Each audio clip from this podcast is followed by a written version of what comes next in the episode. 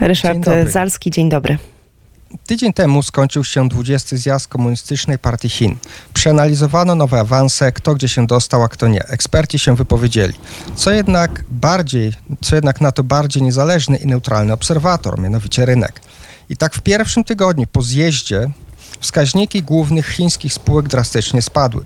Tencent i Alibaba ponad 11%, Meituan prawie 15%.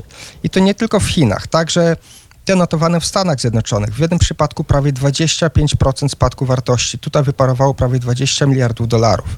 Indeks Złotego Smoka, który wycenia chińskie spółki notowane w USA, spadł o 20%. Hongkoński indeks Hang Seng spadł do najniższego poziomu od 13 lat. Także chińskie giełdy dołowały. Co za tym idzie? Chińscy miliarderzy w ciągu dnia potracili miliardy dolarów. Radio Free Asia donosiło o zwiększeniu sprzedaży ekskluzywnych nieruchomości w Szanghaju, Wuhan, Jiangsu, a nawet z upustem 40%. Jak podaje South China Morning Post, w Szanghaju spadły także ceny najmu, aż o 20%. Skutki zjazdu nie ominęły także chińskiego juana. Uległ dalszej dewaluacji. W tym roku stracił już 15% wobec dolara.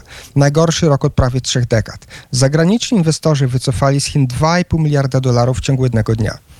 Widoczne jest więc, że reakcja i na świecie, i wśród chińskich bogaczy jest zbieżna. Spadki notowań to reakcja na spodziewaną rosnącą dy- redystrybucję środków od bogatych do biednych, na finansowanie kolejnych projektów przewodniczącego znanych pod nazwą ogólnego dobrobytu Common Prosperity.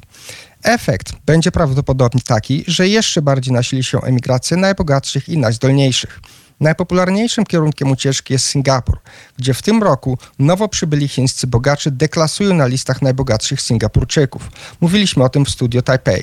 Przerażenie jest także widoczne w komentarzach na chińskich mediach społecznościowych. I tak jak z Polski Ludowej, tak i w Chinach wskaźnikiem sytuacji w kraju jest kolejka przed amerykańskim konsulatem.